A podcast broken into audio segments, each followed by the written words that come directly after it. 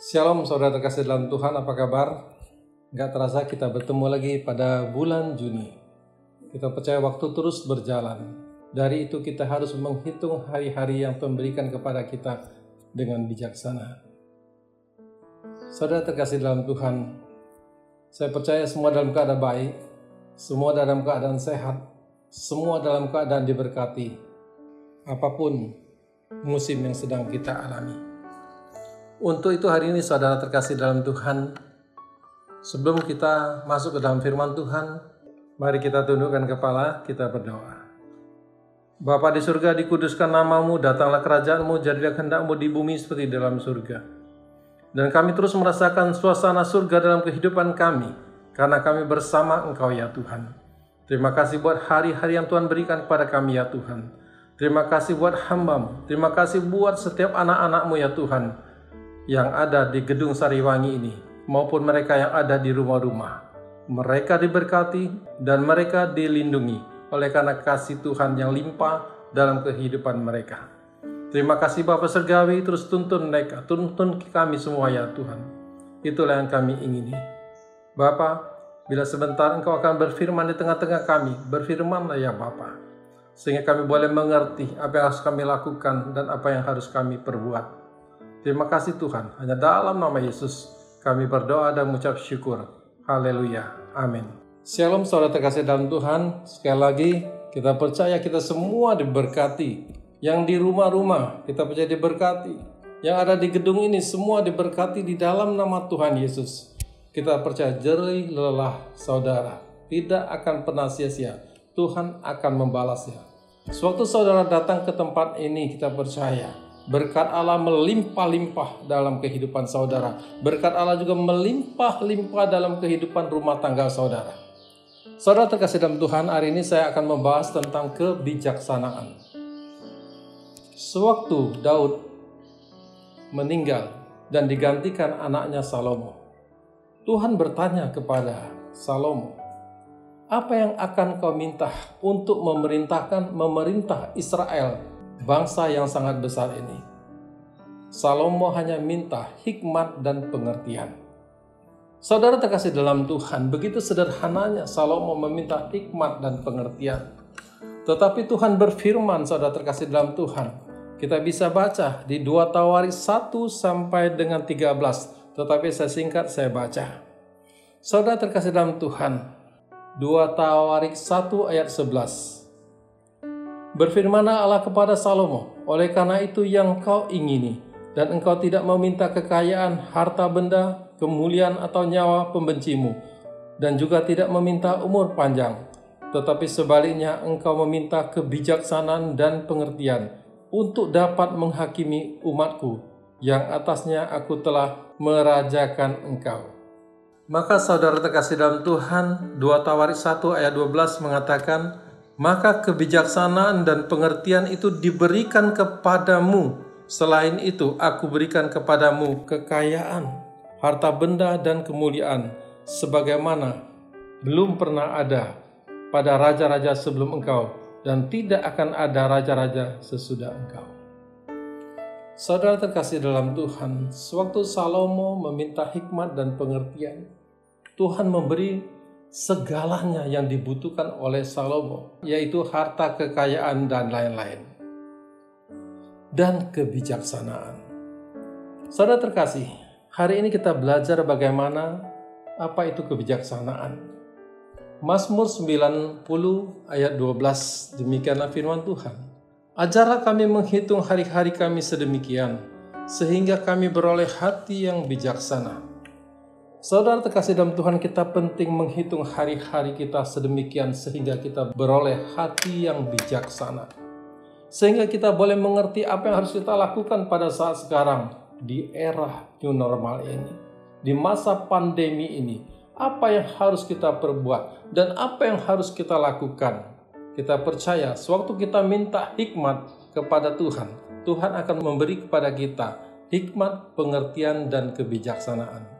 Saudara terkasih dalam Tuhan, kalau kita telah diberi hikmat dan pengertian serta kebijaksanaan, apa yang harus kita lakukan di era new normal ini? Kembali saya sampaikan, Karena kita tahu firman Tuhan telah disampaikan sampai ke ujung-ujung bumi.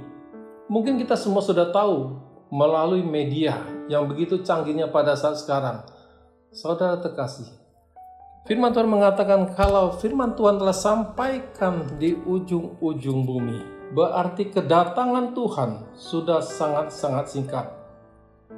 Dari itu saudara, baiklah kita mempersiapkan diri kita sebijaksana mungkin. Amin. Kita harus mempersiapkan diri kita sebijaksana mungkin untuk menghitung hari-hari ini sedemikian saudara terkasih. Sehingga kita tidak lalai menggunakan waktu yang Tuhan berikan kepada kita. Tetapi kita dapat menggunakannya dengan bijaksana. Saudara terkasih dalam Tuhan, kita tahu suatu kalau Tuhan datang segera, kita kedapatan tidak bercacat dan bercelah. Untuk itu pada hari ini saudara saya mengajak kita semua dan saya kita benar-benar harus periksa manusia rohani kita. Kita benar-benar harus periksa manusia rohani kita. Apakah kita selama ini benar-benar makan makanan rohani? Di manakah kita makan makanan rohani? Kita bisa makan di rumah kita masing-masing, membaca firman saat teduh dan lain sebagainya. Tetapi saudara terkasih dalam Tuhan, kita juga harus ada persekutuan seperti jemaat mula-mula kumpul bersama-sama itu sangat-sangat penting, saling membagi dan lain sebagainya. Itu sangat-sangat penting. Saudara puji Tuhan, kita sudah mengadakan ibadah on-site lebih dari dua bulan ini. Dengan mengikuti prokes yang sangat-sangat ketat. Maka saya himbau, saudara terkasih dalam Tuhan. Marilah kita semua jemaat kita kembali lagi ke dalam persekutuan ibadah onsite. Ingat, gereja adalah rumahku. Kita harus kembali ke rumah saudara, ke rumah kita, karena gereja adalah rumahku. Untuk itu saudara terkasih, di mana kita sama-sama bisa bertumbuh, sama-sama memuji dan menyembah Tuhan, maka kita butuh namanya rumah rohani yang kasat mata. Orang yang bijaksana pasti mengandalkan Tuhan di setiap musim hidupnya. Baik musim dingin, baik musim panas, baik musim semi, baik musim gugur, musim kering, musim panen, apalagi musim pandemi ini saudara terkasih dalam Tuhan. Nelson Mandela mengatakan, kita harus menggunakan waktu dengan bijaksana dan menyadari bahwa waktu selalu siap untuk berbuat benar. Dan satu lagi saya sampaikan dari Jalaluddin Rumi mengatakan, Kemarin saya pintar, jadi saya ingin mengubah dunia. Dan hari ini saya bijaksana, jadi saya ingin mengubah diri saya sendiri. Dengan itu saudara, betapa pentingnya bijaksana itu. Kalau kita bijaksana, kita bisa mengubah kehidupan kita. Hidup dengan dari cara lama, ke dalam hidup yang baru di dalam Tuhan. Saudara terkasih dalam Tuhan, domba itu harus digembalakan. Katakan domba itu harus digembalakan. Puji Tuhan, saudara. Mengapa domba harus digembalakan? Kita sudah sudah sangat tahu. Yesus pernah berkata di Matius 10 ayat 16, "Lihat, aku mengutus kamu seperti domba ke tengah-tengah serigala. Sebab itu hendaklah kamu cerdik seperti ular dan tulus seperti merpati. Saudara terkasih dalam Tuhan, seekor domba itu mudah kesasar saudara terkasih dalam Tuhan. Ini bercerita saudara terkasih, selama pandemi berjalan lebih dari satu tahun ini, kita percaya jemaat di gereja mana pun saudara terkasih dalam Tuhan, jujur, mereka jujur, kadang beribadah, kadang tidak, kadang beribadah dari gereja-gereja lain, mendengarkan firman Tuhan dari tempat-tempat lain. Itu bagus saudara terkasih dalam Tuhan. Tetapi untuk kepastian kehidupan kita, apakah kita di rumah kita benar-benar beribadah dengan sungguh? Apakah kita serius mengikuti ibadah seperti kita serius mengikuti ibadah di Gedung Sariwangi pada saat sekarang seperti hamba-hamba Tuhan yang ada pada saat sekarang, seperti anak-anak Tuhan yang ada pada saat sekarang. Saudara terkasih, sering disampaikan, sewaktu kita mulai ibadah, tahu-tahu bel berbunyi, dan kita keluar dari rumah, hilanglah fokus kita untuk beribadah. Tetapi kalau kita beribadah di gedung, yang saya himbau kepada saudara semua, jemaat GBI Rayon 13 untuk boleh kembali semua datang beribadah. Kita percaya kita akan beribadah dengan serius. Karena saudara terkasih dalam Tuhan, di gereja tidak ada bel, tidak ada yang memanggil saudara, tetapi kita kusuk datang ke rumah Tuhan secara kasat mata, yaitu gedung gereja. Tetapi kita juga tahu semua, gereja sesungguhnya adalah kita sendiri. Untuk itu saudara, marilah kita serius datang ke ibadah raya. Amin. Karena saudara terkasih dalam Tuhan, kita hidup di tengah-tengah mayoritas. Ingat, kita bukan kaum minoritas, perhatikan. Kalau kita menganggap diri kita minoritas, kapan kita menjadi mayoritas? Tetapi kita adalah bagian dari mayoritas. Kita bangsa Indonesia, kita mencintai negeri kita. Kita adalah bagian dari mayoritas. Untuk itu kita harus menjadi terang, menjadi contoh, menjadi teladan bagi setiap orang yang ada di dekat kita.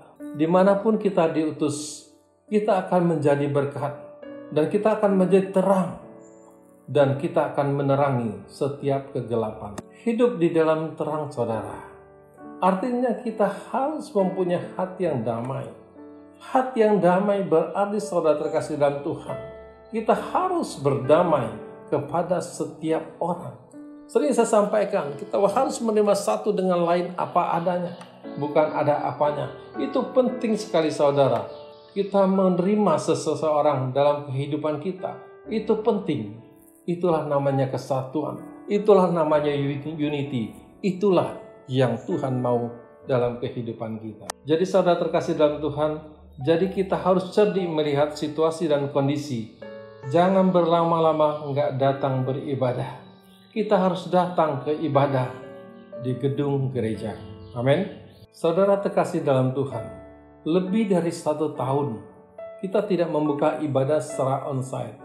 Sekarang kita percaya badai itu pasti berlalu.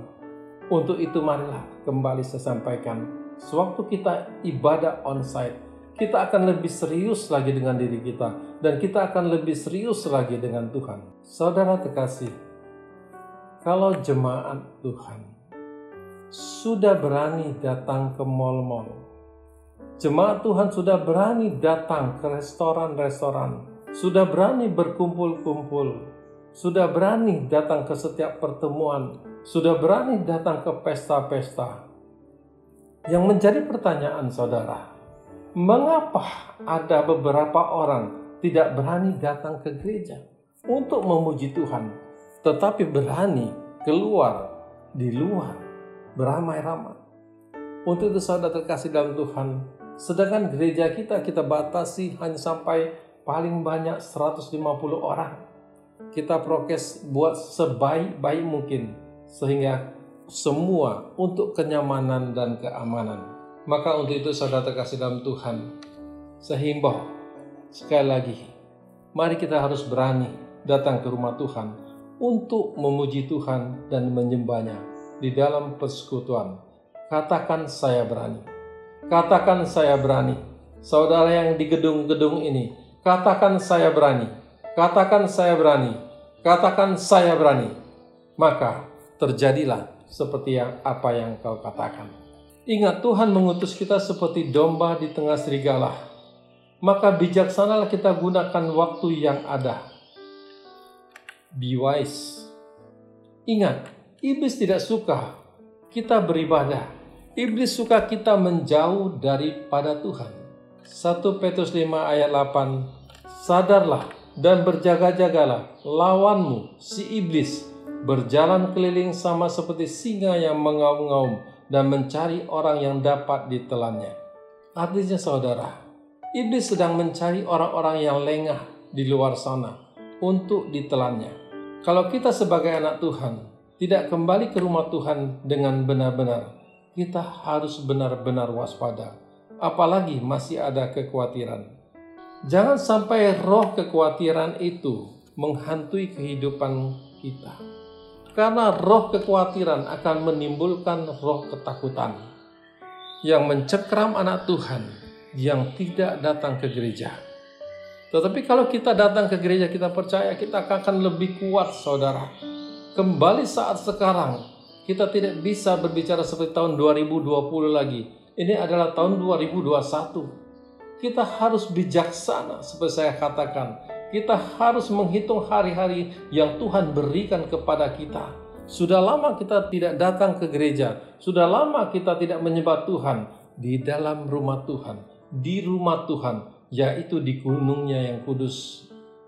Tetapi kita percaya semua anak-anak Tuhan sekarang telah berani untuk beribadah ke gereja, telah berani untuk datang ke gereja, karena kita percaya penyertaan Tuhan itu sempurna dalam kehidupan kita. Mungkin saudara bertanya, memang pada saat sekarang masih dibatasi umur 60 tahun ke bawah. Tetapi kita percaya, bulan depan kita harus punya iman yang 60 tahun ke atas pun bisa datang ke gereja. Amin.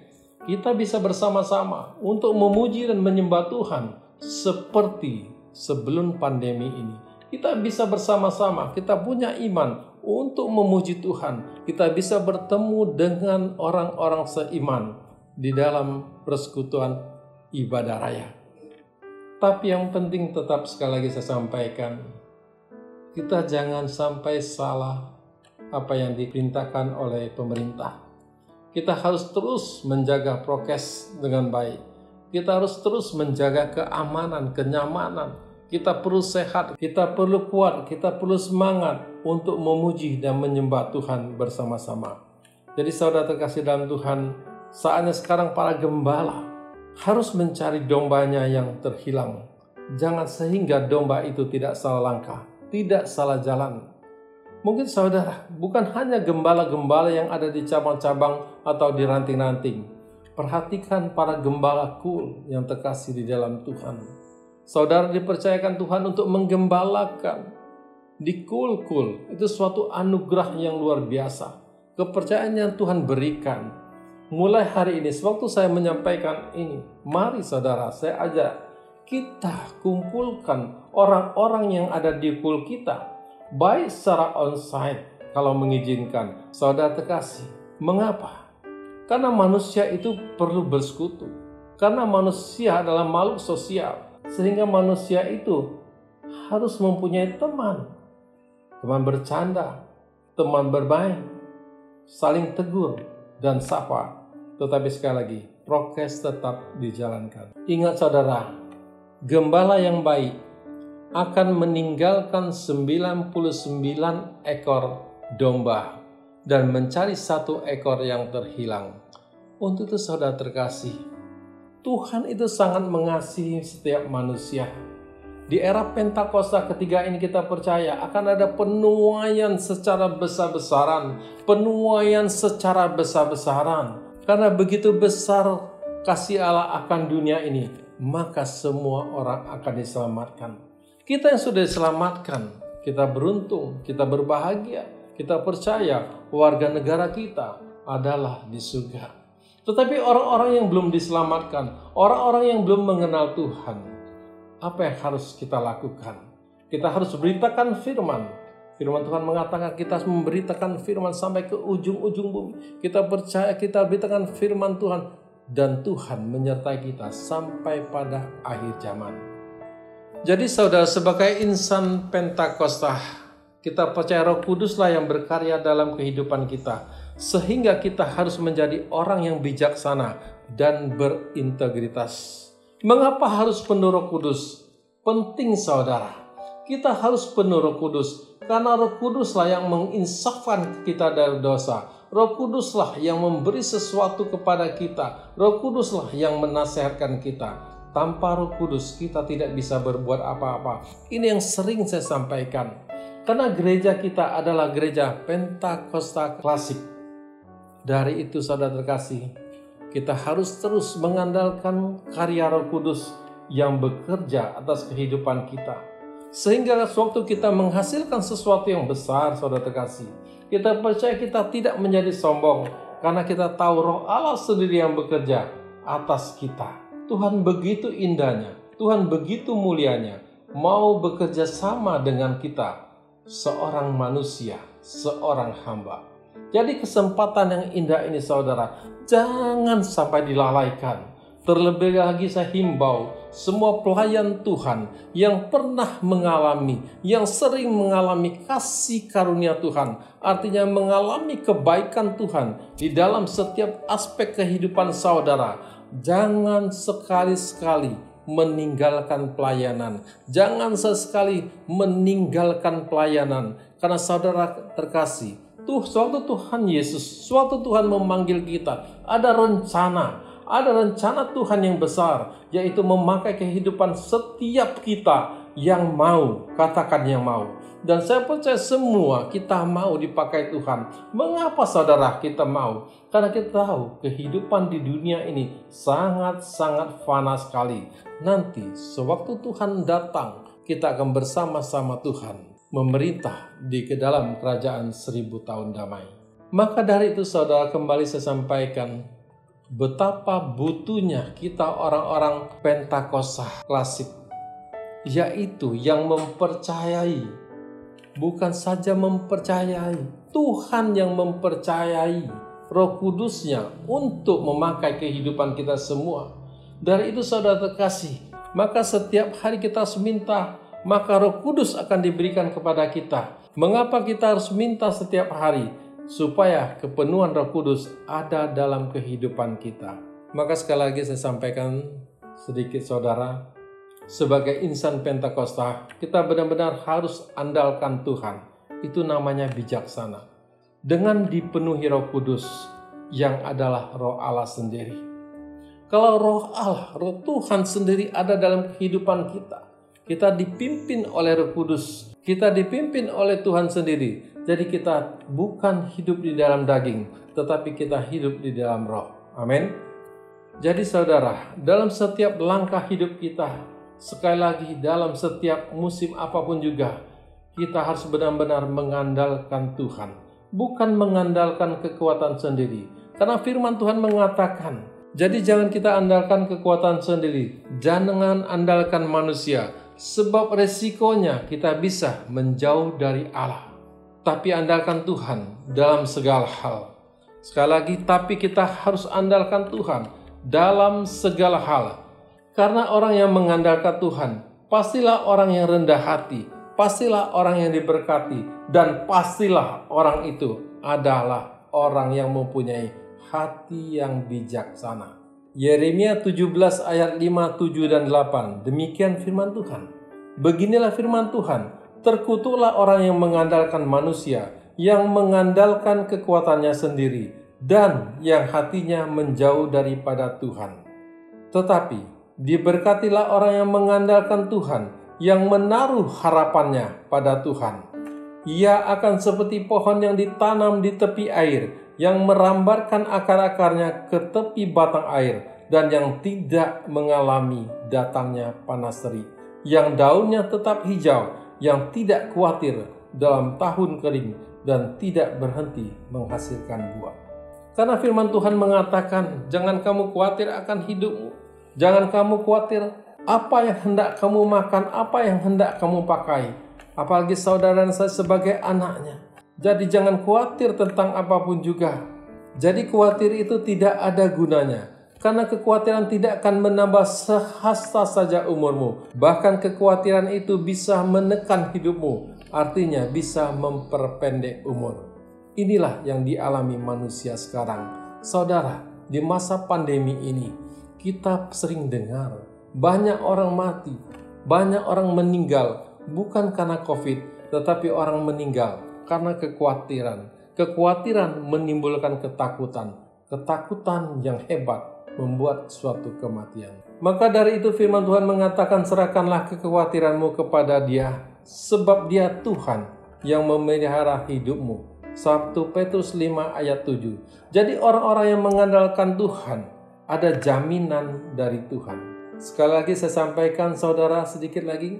Saya ulang, Mazmur 90 ayat 12 mengatakan, Ajar kami menghitung hari-hari sedemikian, sehingga kami memperoleh hati yang bijaksana. Sebagai orang-orang yang berintegritas di era Pentakosta ketiga ini, menjelang kedatangan Tuhan, kita harus cek kehidupan kita dengan serius, dengan hati yang bijaksana kita harus mengecek benar-benar hati kita. Apakah kita sudah siap menerima kedatangan Tuhan? Apakah kita sudah siap Maranatha, Maranatha, Tuhan Yesus datanglah segera. Untuk itu kita mengecek diri kita saudara terkasih dalam Tuhan. Apakah kita hidup di dalam roh atau hidup di dalam daging? Hal ini sering kita sampaikan. Kita bisa baca di Galatia 5 ayat 22 dan 23. Tetapi buah roh ialah kasih, sukacita, damai sejahtera, kesabaran, kemurahan, kebaikan, kesetiaan, kelemah lembutan, penguasaan diri. Tidak ada hukum yang menentang hal-hal ini. Karena kita percaya, semua buah roh itu hasil karya roh kudus yang ada di dalam kita. Sekali lagi saya minta semua para jemaat Tuhan, gereja Tuhan, para hamba-hamba Tuhan, kita harus terus minta Roh Kudus itu ada dalam kehidupan kita dan memenuhi kehidupan kita sehingga kita benar-benar hidup di dalam roh bukan hidup di dalam daging sehingga kita tahu dan kita mempunyai hati yang bijaksana. Untuk itu saudara terkasih dalam Tuhan, demikianlah firman Tuhan yang telah saya sampaikan. Kita percaya firman Tuhan ini akan meremah akan merema masuk ke dalam lubuk hati saudara dan menginsapkan dan mengingatkan apa yang harus kita lakukan di era Pentakosta ketiga ini, di era penuaian jiwa yang besar-besar ini. Dan kita sangat yakin dan percaya orang-orang Kristen akan menjadi orang-orang yang berintegritas di dalam Tuhan dan akan menjadi orang-orang yang bijaksana. Tuhan Yesus memberkati.